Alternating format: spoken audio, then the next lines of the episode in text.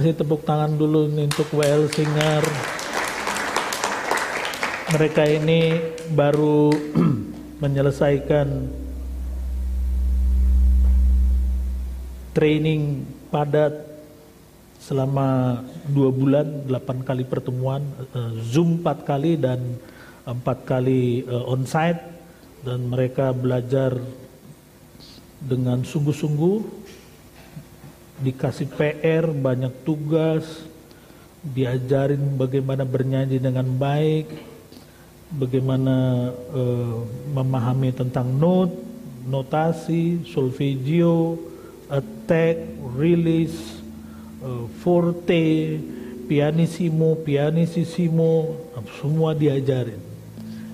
Tentu uh, mereka perlu terus berlatih supaya apa talenta yang kita miliki ini kita berikan kembali kepada Tuhan dalam pelayanan kita. Amin, saudara-saudara. Saya bersyukur kalau saya juga boleh melayani selain saya berkhotbah melayani dalam puji-pujian. Bapak Ibu Saudara yang dikasih Tuhan, saya senang olahraga. Saya termasuk waktu kecil itu maniak lah dalam olahraga. Saya pernah main bola dua lawan dua segede lapangan sepak bola. Jadi lumayan itu ya dua lawan dua ya. Nah, bisa bayangkan. Tetapi ketika saya melayani Tuhan dalam puji-pujian, saya bersyukur. Ya. Bayangkan kalau saya umur 40, umur 50 masih main bola saya bisa mati di tengah lapangan. Udah banyak contoh ya. Tapi dalam bernyanyi saya orang bertanya sama saya, sampai umur berapa Pak kalau nyanyi? Saya jawab berdasarkan contoh. Luciano Pavarotti sampai umur 70 dan sampai akhir hidupnya. Suaranya itu kualitas kelas dunia, bukan kelas RT.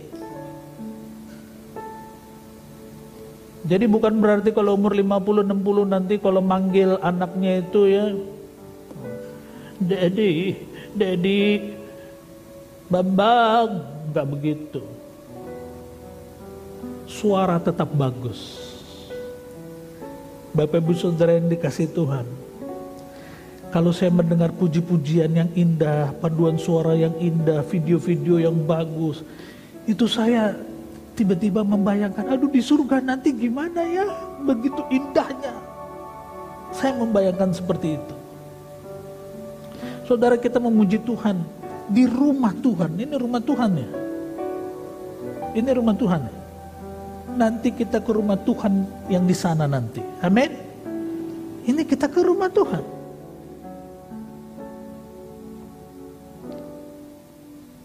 Saya sejak SD bernyanyi. umur 20, umur 30 bernyanyi. Tapi di umur sekarang suara saya tidak jadi melemah. Saya ngajar ke sana ke sini, seluruh Indonesia saya ngajar. Ke Medan, ke Padang, ke Batam, ke Lampung, bahkan sampai ke Freeport. Halmahera, Papua. Jadi suara saya, saya lihat buktinya, nggak menurun. Ya, nih anak-anak School of Praise and Worship, MDC Cirebon, suaramu tidak menurun umur 50 nanti. Ya. Great thou art, how great thou art. Nah, kira-kira begitulah suaranya ya. Ini umurnya yang berdiri di depan ini bukan 30 Bapak Ibu. Umurnya 60. Jadi kau nanti masih dua kali lipat lebih masih bisa bagus suaranya. Amin. Saya akan bagikan tentang pujian dan penyembahan. Bapak Ibu masuk di slide kedua saja. Ya. Tahun 61, Awe Tauser, dia diminta bicara di pertemuan pendeta-pendeta di Kanada. Jadi ini yang hadir ini pendeta semua tahun 61. Dan bayangkan saudara kalau dia diminta bicara, ini kan pendeta-pendeta ini ada yang S1, S2, S3. Kok dia yang dipilih? Ngeri Bapak Ibu ya, ngomong begini aja ada orang yang bisa gagap-gagap. Apalagi kalau di sini S1, S2, S3 pendeta. Ini salah ngomong bahaya ini ya. Tapi kenapa dia dipilih? Ternyata kalau kita googling pun, Awe Tauser diakui juga salah satu nabi di zaman modern. Kenapa dia bilang nabi? Dia kalau ngomong, kalau nabi itu terjadi salah satu parameternya. Nah, Awe Tausor tahun 61 dia bilang penyembahan itu permata, permata yang hilang di dalam gereja Tuhan. Rupanya orang ke gereja, ke gereja, ke gereja, pada akhirnya itu menjadi satu rutinitas dan tidak menemukan Tuhan. Karena kita tidak masuk di dalam hadirat Tuhan dan menyembah Tuhan alam semesta ini. Bangsa Israel ketika mereka beribadah itu beribadah di hadapan tabut Allah. Tabut Allah itu ada cahaya, nggak ada listrik, tapi ada cahaya memancar. Kenapa? Karena ada kemuliaan Tuhan dan mereka nyanyi di hadapan tabut itu melambangkan bahwa kita saat ini bernyanyi di hadapan hadirat Allah. Dia ada di tengah-tengah kita.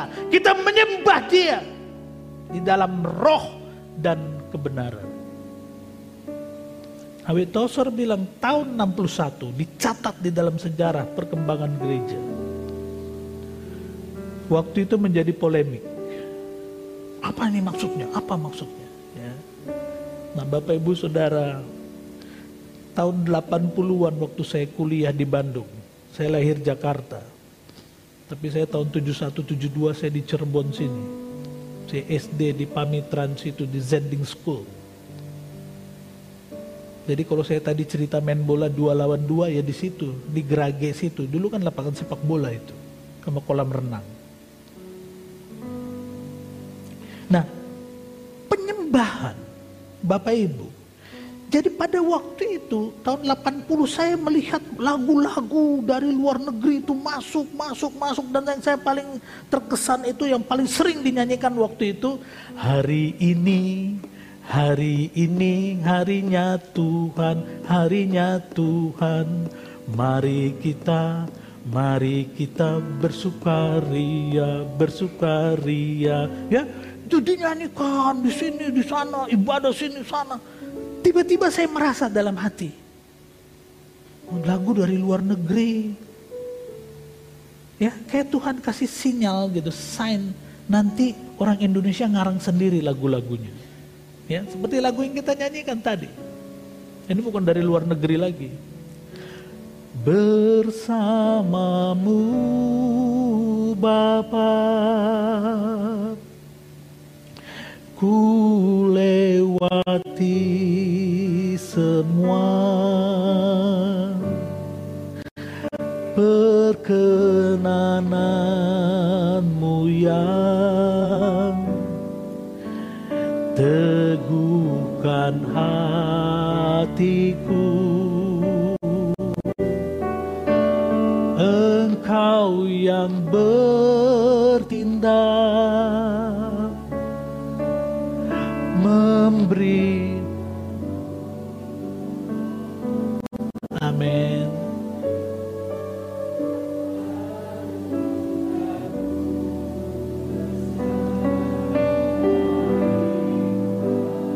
Bagiku Bapak Ibu Saudara yang dikasih Tuhan Ketika bangsa Israel ada di perbudakan di Mesir Tuhan tidak menghendaki hal itu Bahkan mereka untuk beribadah kepada Tuhan pun mengalami kesulitan. Karena itu Tuhan bilang keluar dari Mesir. Menuju tanah perjanjian. Mereka keluar. Sepuluh mujizat tulah Tuhan berikan. Untuk menyatakan mujizatnya yang luar biasa. Sepuluh tulah. Tulah yang ke-10, darah anak domba. Darah domba itu yang dioleskan ke tiang rumah itu saudara. Dan setelah itu mereka pergi keluar.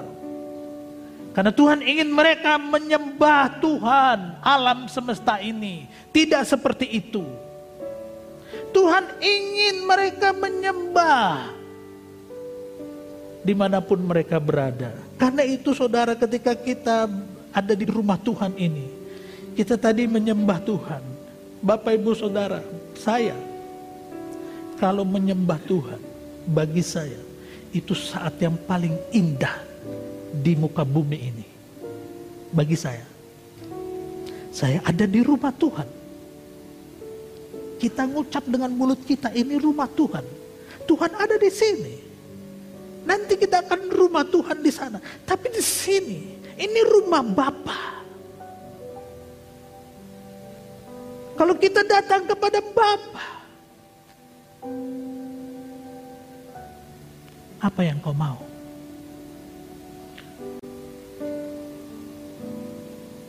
Kalau Jakarta banjir, presiden datang. Emang mau ngapain presiden datang? Dia mau cek apakah semua sudah dilengkapi. Kalau mereka kekurangan makanan, kalau mereka perlu selimut, kalau mereka perlu tempat untuk ngungsi, itu sudah harus tersedia. Presiden datang bukan cuma mau nanya, banjir ya, Ya iyalah Bapak Presiden nanya lagi. Enggak, bukan mau nanya. Dia mau memastikan. Apakah semua sudah tersedia. Dan kalau ada yang kurang, kita bilang, Pak makanan kurang. Bapak Presiden nggak perlu ngomong, dia cukup menoleh. Siap, Bapak Presiden. Ya kan? Sepeda aja dikasih. Demikian juga dengan Allah kita, Tuhan kita. Ketika kita datang, kau berseru. Tuhan aku berdoa untuk anakku. Bapak Presiden, Tuhan akan jawab doa kita. Itu makanya kalau saya lagi nyembah Tuhan, di rumah Tuhan. Bukan di rumah saya nggak berdoa. Tetapi ketika saya ada di rumah Tuhan, saya akan berdoa dari hati yang terdalam untuk keluarga saya, untuk masa depan saya. Kalau saudara punya anak yang dalam pergumulan, naikkan doa itu kepada Tuhan. Saya kan kuliah di Bandung. Orang tua saya Jakarta, saya kuliah di Bandung dari tahun 79. Jadi saya kuliah tahun 79, tahun 80. Dari 79 terus saya tinggal di Bandung. Saya dikasih uang saku.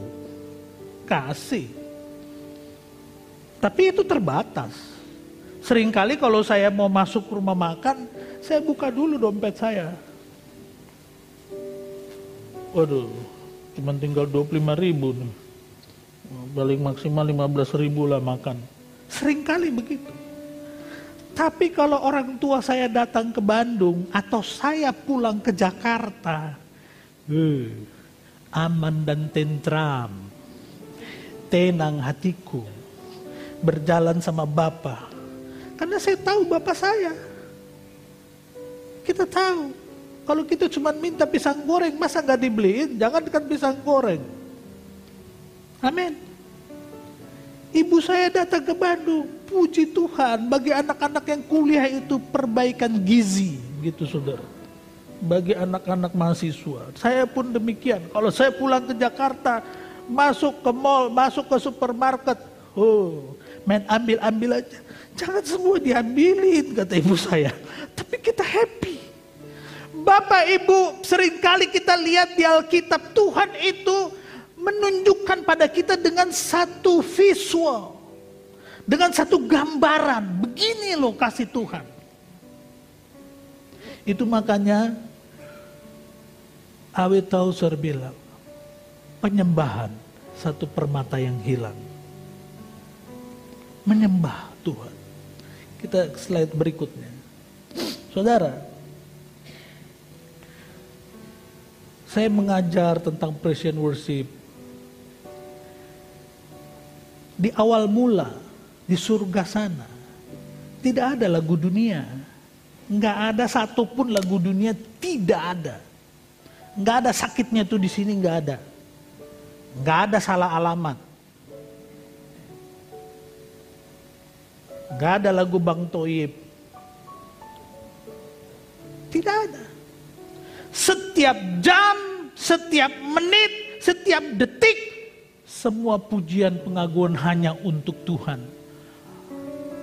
malaikat di surga menyembah, memuliakan nama Tuhan setiap detik, setiap menit.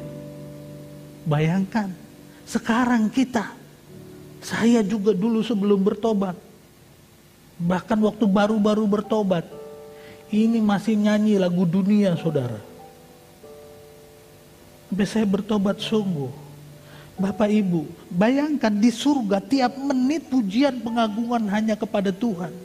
Kita nyanyi berapa menit tadi? Hah? Berapa menit? Paling 15 sampai 20 menit. Udahnya menang.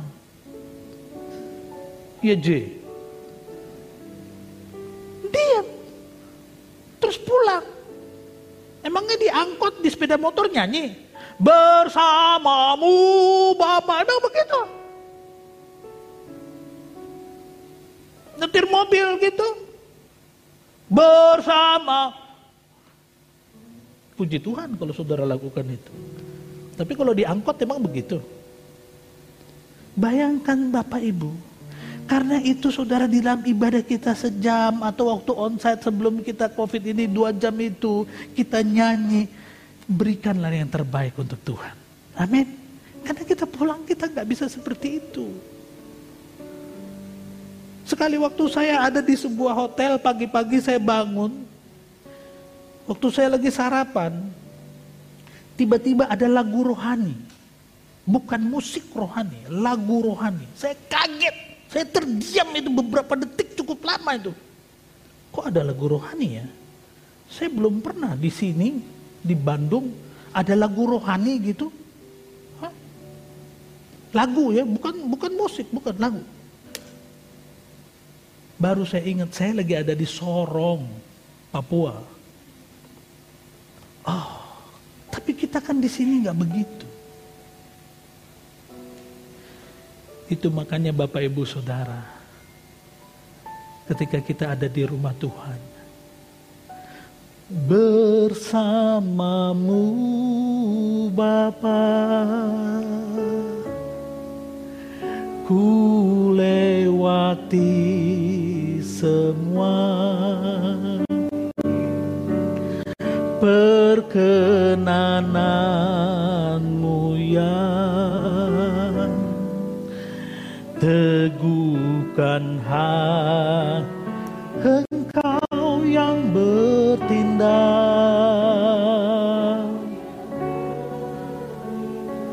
memberikan pertolongan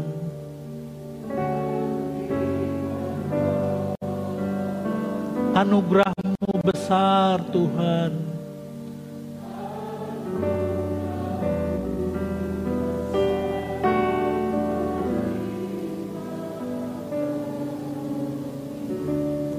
Jadi waktu bangsa Israel itu keluar dari Mesir, kemudian dia dikejar oleh Firaun. Dikejar. Mereka lari, mereka lari, mereka lari. Bapak Ibu kalau dalam tafsiran itu bukan seribu, dua ribu, begitu banyak bangsa Israel itu yang pergi itu dikejar. Saya cuma berpikir, saya latar belakang teknik. Jadi saya cuma berpikir, Tuhan kan udah 10, kenapa nggak bikin satu lagi? Kalau saya pikir gitu, bikinlah satu lagi. Tuhan satu lagi, Tuhan satu lagi, turun api dari surga, bakar mereka, gitu kan? Tapi enggak, Tuhan pengen mereka lari, lari, lari, berusaha, berusaha, berusaha, lari, lari, sampai mereka mentok di tepi laut Teberau, dia berhenti, tidak bisa berbikin apa-apa. Itu makanya dikatakan di lagu dikatakan lagu ini. Engkau yang bertindak memberi pertolongan. Nggak bisa apa-apa lagi. Bahkan sebagian udah sampai ini ngapain kita mati di sini Musa? Mendingan kita mati di sana Dikubur bagus-bagus kita masa mau mati di sini. Tuhan memberikan pertolongan. Laut terbelah. Dahsyat. Seberapa pergumulan datang kepada Tuhan. pertolongan Tuhan datang. Amin. Masalah di keluarga, masalah di pergumulan hidup kita. Bapak Ibu, di slide berikutnya. Ketika Tuhan Yesus bersama murid-murid, dia melewati daerah Samaria. Dan pada waktu itu eh, Tuhan Yesus bertemu dengan seorang wanita, wanita itu eh, akan mengambil air. Dan Tuhan Yesus minta air. Wanita Samaria itu bilang, Masa kamu orang Yahudi minta air dari orang Samaria? Tuhan Yesus berbincang-bincang sama wanita ini. Kemudian wanita ini bilang, jadi ini menyembah Tuhan ini di mana? Nenek moyang kami bilang di gunung ini, tapi kalian bilang di Yerusalem. Yang mana? Saudara kalau kita melihat ke belakang, jadi ketika Raja Salomo membangun bait Allah yang pertama, ternyata sesudah itu di zaman Nebukadnezar, bait Allah itu diruntuhkan. Nah bangsa Israel berseru kepada Tuhan, berdoa, dan Tuhan menggerakkan Nehemia untuk membangun kembali bait Allah.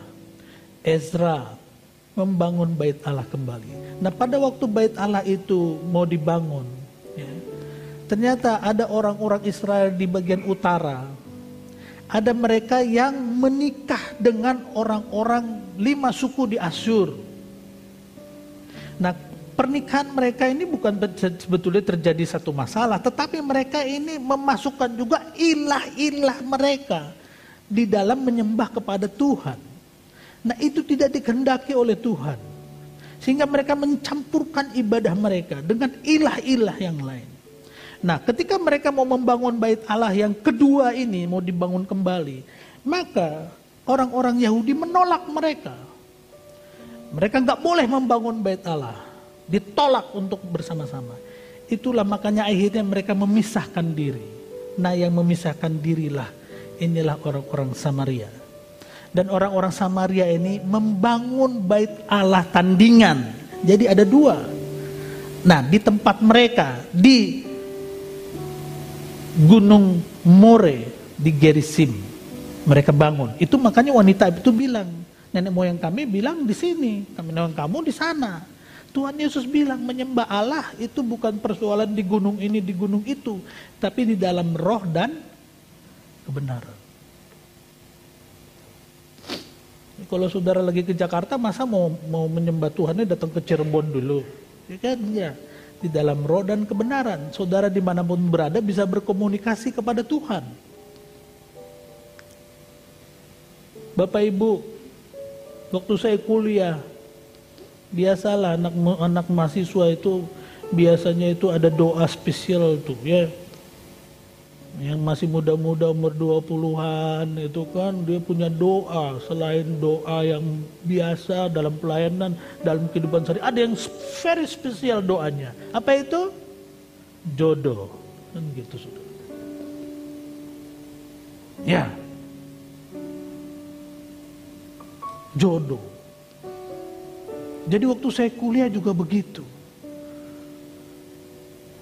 Saya berdoa tapi Tuhan bicara di sini. Bapak Ibu, kita ini bisa ngomong. Masa Tuhan gak bisa ngomong? Hah? Masa kita ngom bisa ngomong dan teman bisa dengar? Masa Tuhan gak bisa ngomong? Jadi waktu saya mau mau mau ini saya lihat ada seorang wanita. Waduh, yang namanya kita kalau udah ini ya apa itu pandangan pertama itu ya kena chemistry-nya gitu atau apalagi itu whatever lah gitu ya hmm. der der gitu kan hmm.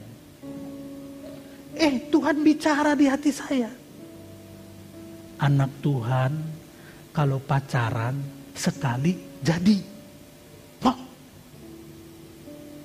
sebelum bertobat saya udah punya pacar kan ngawur tuh masa umur 17 punya pacar Tuhan bicara seperti itu. Anak Tuhan kalau pacaran sekali jadi gitu saudara. Aduh, saudara. Tapi saya rupanya berdoanya terus, betul, terus, terus. Sampai Tuhan sekali waktu ngomong sama saya. Ini saya udah pengerja nih di persekutuan. Tuhan ngomong sama saya. Kok kamu doa jodohnya lebih banyak daripada doa tentang pelayanan? Iya Tuhan. Ampuni Tuhan, ampuni Tuhan. Bayangkan, eh kau dengar, eh. Jangan doa jodohmu itu lebih banyak daripada doa untuk melayani Tuhan. Saya sampai bertobat saudara. Dan puji Tuhan. Sekali memang jadi. Begitu saudara ya. Sekarang kalau misalnya salah.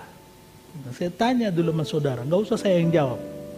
Kan kita berdoa, Roh Kudus tolong kami, Tuhan Yesus tolong, Tuhan tolong. Terus Tuhan kasih tahu. Terus kita salah nih. Misalnya ya, salah, putus, putus, putus. Nggak tahu berapa kali putus. Yang salah suara Tuhan atau kuping kita? Hah? Suara Tuhan yang salah atau kuping kita yang salah? Ya kuping kita lah. Keinginanmu terlalu besar. Dia, dia. Belum juga berdoa. Dia, dia. Berdoa dulu. Bersamamu Bapa.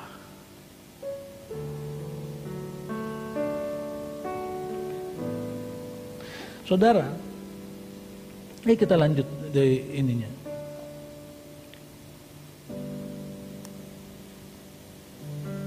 Ini perkembangan musik ya zaman Yubal, Daud, Hedrick Handel, George Frederick Handel dan sekarang. Nah, saya nggak bahas tentang Yubal, Daud dan tapi zaman Handel itu saudara lagu-lagu rohani itu begitu complicated, begitu bagus, begitu luar biasa. Ya. Jadi ada lagu garangan Handel itu yang begitu uh, katanya kalau lagu gereja-gereja mau seluruh dunia ini mau nyanyi lagu apa yang bisa dinyanyikan paduan suara seluruh gereja seluruh dunia? Nah, gitu katanya. Katanya itu lagunya Handel. Oh, lagu yang mana itu? Haleluya Haleluya Haleluya Haleluya Haleluya. Oh gitu lagunya. Wuh. Itu karangannya Handel Tapi kalau lagu-lagu zaman sekarang nggak terlalu complicated, dia sederhana. Bahkan menurut orang-orang rekaman ya, yang biasa merekam lagu-lagu rohani, ragu zaman now itu nggak jauh-jauh ngangkat tangan nyembah Tuhan, haleluya, hatiku dekat dengan kau. Itu cuman gitu-gitu aja. Memang yang yang terjadi sekarang dalam kita memuji menyembah Tuhan, hati kita ini merasa nyaman. Hati kita ini merasakan sentuhan kasih Tuhan. Kita merasa dekat dengan Tuhan. Itulah lagu-lagu zaman now. Makanya lagu yang kita nyanyikan itu ya. Atau lagu yang lain, kuasamu terlebih besar ya. Begitu sederhana, tetapi menyentuh hati. Saya rasakan saudara, lagu-lagu seperti ini saudara. Tidak ada satupun dari kita tidak melewati lembah kekelaman. Pasti kita akan melewati lembah kekelaman. Pasti. Tapi di situ Tuhan ingin lihat apakah kita berjalan bersama Tuhan. Daud berkata di Mazmur 23, sekalipun aku berjalan dalam lembah kekelaman, aku tidak takut bahaya. Gadamu dan tongkatmu itu yang menyertai aku. Amin.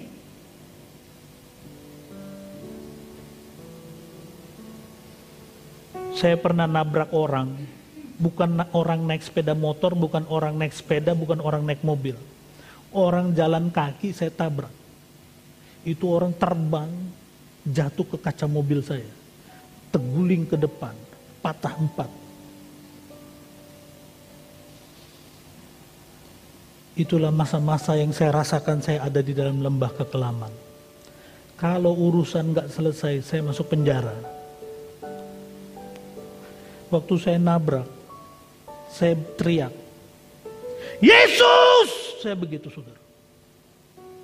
Dan saya turun. Waktu saya turun, orang di pinggir itu tiba-tiba mau ngejar saya. Saya mau ngejar saya, saya mau, eh sini, sini, sini, saya gitu. Jadi saya diam, dia diam.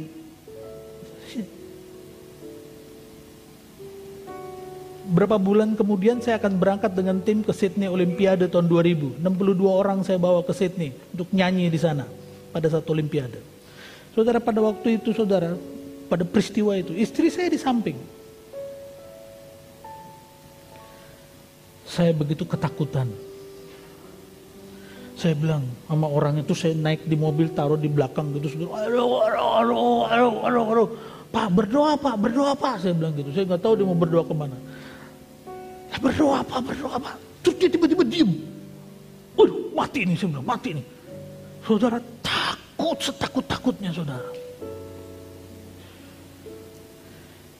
Tapi di saat-saat seperti itu, saya lihat Tuhan menyertai. Ada tanda-tanda Tuhan. Teman saya, anak bimbingan saya yang sudah bertahun-tahun gak kontak, dia kontak saya. Saya melihat ada tanda-tanda. Dan memang dalam hanya satu bulan persoalan selesai semua. Semua beres. Enggak sampai rumit-rumit selesai. Bersamamu Bapa ku lewati semua ku lewati semua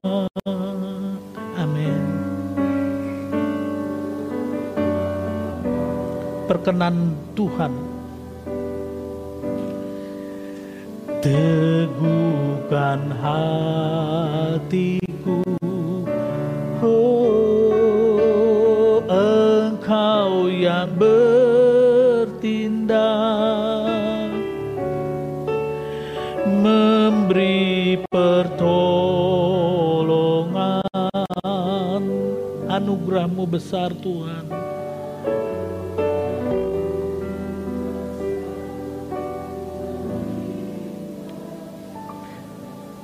Bapak Ibu Saudara yang dikasih Tuhan. Jadi saya punya saudara kelas 3 SMA 3 tahun. Bukan SMA 3 tahun, kelas 3 SMA 3 tahun. Kan saya bingung, kok ada orang seperti ini? Saya kalau sekolah nggak pernah mau ranking saya itu lebih dari 10. Kalau nggak ranking 1, 2, 3, Pernah ranking 8 itu pun saya udah susah itu hidupnya itu. Saya kejar terus untuk ini ya, kejar terus. Jadi ini kelas 3 SMA 3 tahun. Hah. Kan paling tahun ini 2 tambah 5 sama dengan 7. Tahun depan kan dibalik aja 5 tambah 2 sama dengan 7 kan gitu. Jadi dia sampai pindah sekolah gitu. Cuman saya melihat di situ bagaimana orang tuanya, bapaknya sangat sayang sama dia. Coba kalau ada bapak yang seperti ini. Ah bodoh kalinya kau pun, kau sekolah dibiayai, kau tak naik-naik kelas, kau apa yang kau pelajari? Udahlah kau gak usah sekolah lah, apa aja lah kau kerjakan lah, ha? Udah, habis-habisin duit aja kau, masa SMA kelas 3, 3 tahun? Sudah kan? Tapi bapaknya baik, disekolahkan lagi luluslah juga. Masa nggak lulus-lulus ya? Udah tiga tahun ya, lulus langsung. Kuliah dengan penuh perjuangan, lulus juga. Masuk kantor, kantor kantor yang punya nama dan bank yang besar. Disekolahkan dari kantornya ke Universitas Indonesia UI Extension Ekonomi Siapa yang tidak tahu Universitas Indonesia? Hah? Pasti tahu. Kan keren, hebat.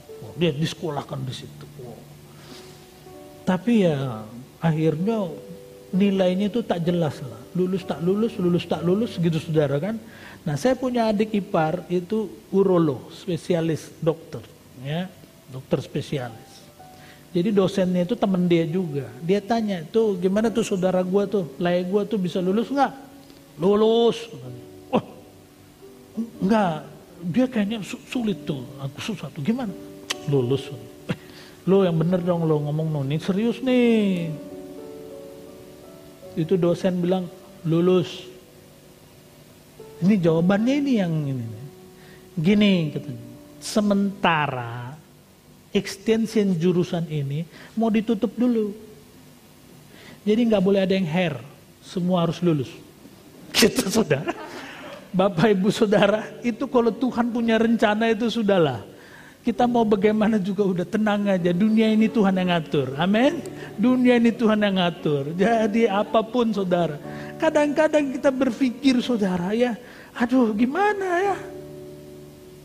Saya waktu ujian terakhir, waktu di kampus itu ada ujian praktek. Saya hari pertama saya gagal. Hancur itu benda kerjanya. Saya pulang, saya berdoa, saya nggak bisa tidur, saya berdoa, aduh Tuhan. Tapi kita masih dikasih kesempatan sekali lagi. Besoknya saya ini lagi saudara. Jadi sambil ngerjakan itu sambil berdoa, terus berdoa, kerjakan berdoa, kerjakan berdoa, terus sambil gitu saudara. Dan benda kerja yang saya kerjakan itu nilainya, nilainya 9,8. Nyaris 10. Jadi waktu sesudah ujian itu, siapa sih yang ini, siapa sih yang ini gitu kan. Siapa sih yang nomor ini, siapa sih. Nanya nih di depan saya lagi dosennya, belaga. Saudara, saya udah berpikir gagal lah saya, gagal lah saya. Bumi ini ada di dalam tangan Tuhan. Amin. Masa depanmu ada di dalam tangan Tuhan keluargamu yang hancur, keluargamu yang mengalami kesulitan, engkau yang mengalami sakit penyakit, engkau yang mengalami kesulitan. Ada Tuhan alam semesta ini yang kita bisa berseru kepada Tuhan.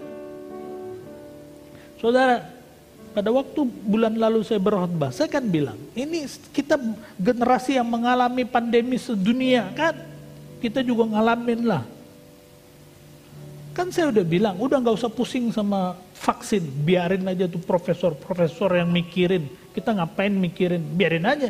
Punya alatnya juga enggak, mikroskopnya juga enggak punya, pakai pusing lagi, dimin aja. Yang kita perlu berdoa, kita punya obatnya, obat yang sederhana yang kita bisa lah, makan vitamin, nih. ada yang minum jamu, ada yang minum apa li, li, linhua, apa? Kayak gitulah gitu ya. Minum supaya badan kita sehat kita berdoa. Saya belajar di dalam Alkitab, saya belajar. Waktu Tuhan ingin bertindak untuk Sodom dan Gomora, itu keluh kesah orang itu udah naik ke surga. Keluh kesah. Di Ibrani juga bilang keluh kesah. Kita keluh kesah aja nyampe. Apalagi kalau kita berdoa bersama-sama. Berseru kepada Tuhan. Berdoa di rumah tangga. Tuhan tolong naik semua sama-sama kepada Tuhan. Masa Tuhan tidak bertindak? Tuhan akan menolong kita. Amin. Kita berseru. Itu makanya saudara kalau kita menyembah Tuhan di rumah Tuhan. Berseru kepada Tuhan. Naikkan doa kita dalam penyembahan kepada Tuhan. Pujian dan penyembahan itu. ya Di dalam roh dan kebenaran. Seperti tadi kita baca di Yohanes 4. Di dalam roh dan kebenaran. Di dalam roh dan kebenaran. Jadi ketika kita menyembah Tuhan di dalam bahasa aslinya dibilang proskuneo. Proskuneo itu digambarkan seperti seekor anjing yang mencium tangan tuannya. Ya, anjing itu saya punya anjing ya. Waduh, kalau saya kayak gini sekarang saya ke sini udah tiga hari. Ini istri saya bilang itu anjing kayak murung gitu saudara. Nanti kalau saya pulang tuh dia uh, sampai lompat-lompat gitu. Kadang-kadang dia muter-muter. Itulah anjing. Makanya dikasih gambaran visual di Alkitab itu proskuneo seperti seekor anjing yang mencium tuannya. Nah, beda pujian dengan penyembahan. Kalau pujian kita memuji, ya kita paman kita, saudara kita yang di Surabaya, yang di Medan, di mana kita kasih pujian. Oh, saya punya tulang, orang Batak kan gitu, tulang, tibon, ya. tulang. Saya punya keponakan istrinya kan Chinese, jadi keponakan saya pernah bilang, kok tulang sih? kenapa bukan daging? Katanya gitu. Istri saya canis, keponakan saya canis. tulang tibon, sudah. ya.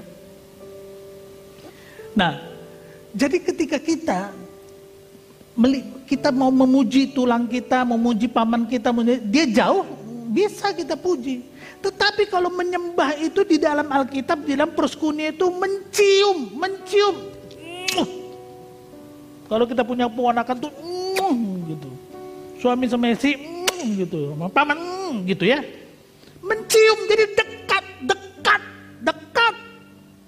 Kalau kita menyembah Tuhan, kita rasakan Tuhan dekat dengan kita. Rasakan. Nah menyembah itu, menyembah itu tubuh, jiwa, dan roh. Nah tubuh nih, saya maaf ya, saya kasih contoh. Ini contoh, maaf, maaf. Saya nyanyi lagu penyembahan. Contoh. Bersamamu Bapa ku lewati. Ini menyembah? Gayamu aja kurang ajar. Di Yohanes 4 tuh dibilang penyembah-penyembah benar. Penyembah itu oknum, bukan penyembahan. Yang dibilang di situ penyembah. Tuhan mencari, mencari penyembah, penyembah benar, bukan penyembahan. Sayanya yang dicari Tuhan. Kalau saya dokter, kau dokter ya. Kalau dia ketemu di, di mall, Pak Dokter, gitu kan. Kalau ketemu di mana gitu, dokter. Kalau saya penyembah, saya ketemu di tempat lain di mall, orang tahu saya pemimpin pujian. Karena itu hidup kita ini juga harus menggambarkan seperti itu, bukan yang begini itu tadi. Jadi kalau saya di sana juga begitu, jangan kalau saya lagi di mall, anjir gitu saudara. Eh, Saya pernah di kantor, dulu kan saya kerja. Teman saya gitu saudara, anjir katanya langsung saya sambil bergurau, eh di mana anjingnya? Eh di mana anjing? Di mana sih? Teman saya ketawa, saya sentil dia dengan gaya saya. Tubuh kita, hidup kita ini harus menggambarkan seorang penyembah. Hidup yang benar, hidup yang baik. Di Efesus dibilang, manusia baru itu kata-katanya ini jangan jorang gitu ya, jangan bercanda, yang bercanda jangan gitulah. Ini kotak. Uh. Saya pernah ya sama istri terus bawa ini terus ada mobil di sini saudara berhenti di lampu merah jadi saya kan mau begini saudara dia maju Tiba-tiba dia maju, dia berhenti di bawah lampu merah. Tuk disundul mobil saya. Marah loh. Dia lebih marah loh dari saya loh. Itu kata iklan sampurna itu lo yang salah lo yang apa kata gitu kan. Dia lebih marah loh. Maaf ya saya contohin, mohon maaf nih saya contohin lo. Dia ngomong gini, saya karena saya seniman jadi mesti diekspresikan gitu. Dia bilang begini, saudara. Tai lo gitu saudara. Terus masa saya mau bilang masa saya mau bilang mencret lo kan enggak lah. Enggak bisa keluar di sini saudara enggak bisa keluar. Karena itu saudara saya ingatkan ya saudara biar kata suami istri lagi berkelahi jaga mulutmu kalau lagi bertengkar gitu yang istri ya suami juga boleh sih yang istri ya ketika aku berbeban berat Ku datang kepada Yesus Coba suaminya berani nggak? Wih, dia datang kepada Yesus, takut gua.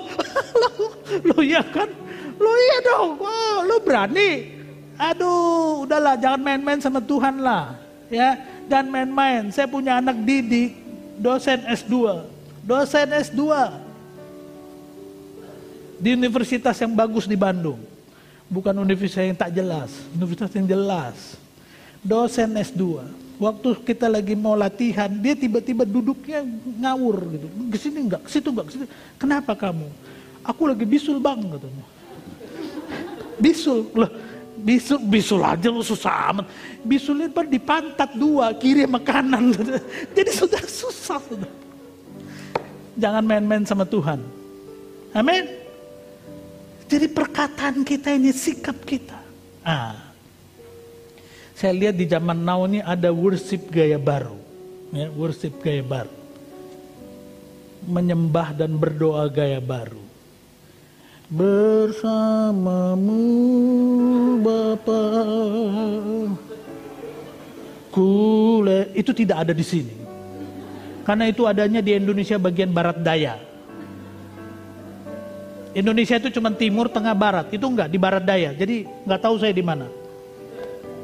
Ada tuh yang begitu.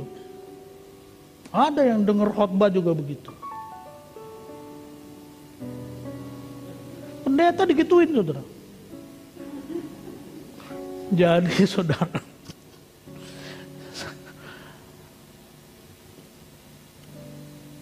Lagi nyembah Tuhan bukan? Bersamamu Bapa.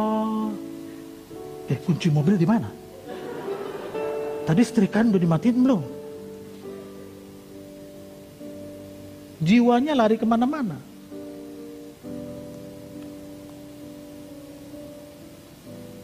Bapak Ibu, ini dalam ibadah seperti ini saya nggak bisa berlama-lama. Tapi yang saya mau mengingatkan, mari kita menyembah dalam roh dan kebenaran. Bagaimana di dalam roh? Begini, kalau ruangan ini kita lagi berdoa tutup mata, tiba-tiba dimatiin, apa kita bisa merasakan panas? Dimatiin, kita tutup mata, dimatiin AC-nya dimatiin. Kita akan berasa panas, kita bisa rasa bersama Tuhan seperti itu. Kalau saudara mencuri duit suami curi duit istrinya, istri curi duit misal nih, nggak ada di sini di Indonesia bagian barat daya itu. Seseorang mencuri sesuatu, coba rasakan di hatimu. Apakah damai sejahtera atau duk-duk gitu, duk-duk, duk-duk, duk-duk. Kalau damai sejahtera kau ke IGD segera. Ada yang tak beres itu. Kalau duk-duk, duk-duk, sudah, ah itu benar. Ya, kalau kau melakukan sesuatu yang menyenangkan Tuhan, ada rasa sukacita. Saya punya kakak abang persis di atas saya. Waktu dia pacaran, dia gini, dia di uh, uh, waktu itu mobil di rumah saya ada dua. Jadi satu ini biasanya suka dipakai untuk ini untuk itu. Nah, ini dia waktu hari Sabtu, dia waktu mau pacaran dia gini dulu. Main piano, main piano, Orang tua mah udah tahu, hmm, ada maunya ini, gitu, hmm, ada maunya. Tapi dia senang. Dia tahu, ini ada maunya. Dia senang. Itu abang P pinjam mobil, mau ketemu pacarnya. Hati-hati ya, hati Tuhan senang. Kita menyenangkan Tuhan, Tuhan senang. Coba saudara buka Yohanes 14 ayat 14. Buka sendiri-sendiri aja. Coba. Alkitab elektronik saudara dibuka. Buka sendiri-sendiri aja. Yohanes 14 ayat 14. Dan saudara tahu Yohanes 14 itu bicara apa? Coba siapa yang duluan dapat nih yang di depan nih boleh baca. Yang suaranya agak kencang. Siapa? Cita, baca. Kau suaranya kencang kan? Berdiri kau. Ya.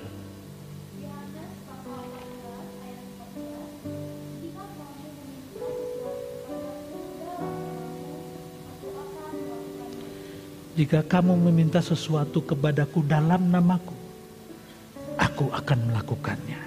Yohanes 14 ayat 14. Itu bicara tentang akulah jalan dan kebenaran dan hidup. Aku akan menyediakan engkau rumah di surga sana. Terus Tuhan bilang, saat ini kamu perlu apa? Minta. Kita minta kepada Tuhan. Mari kita berdoa.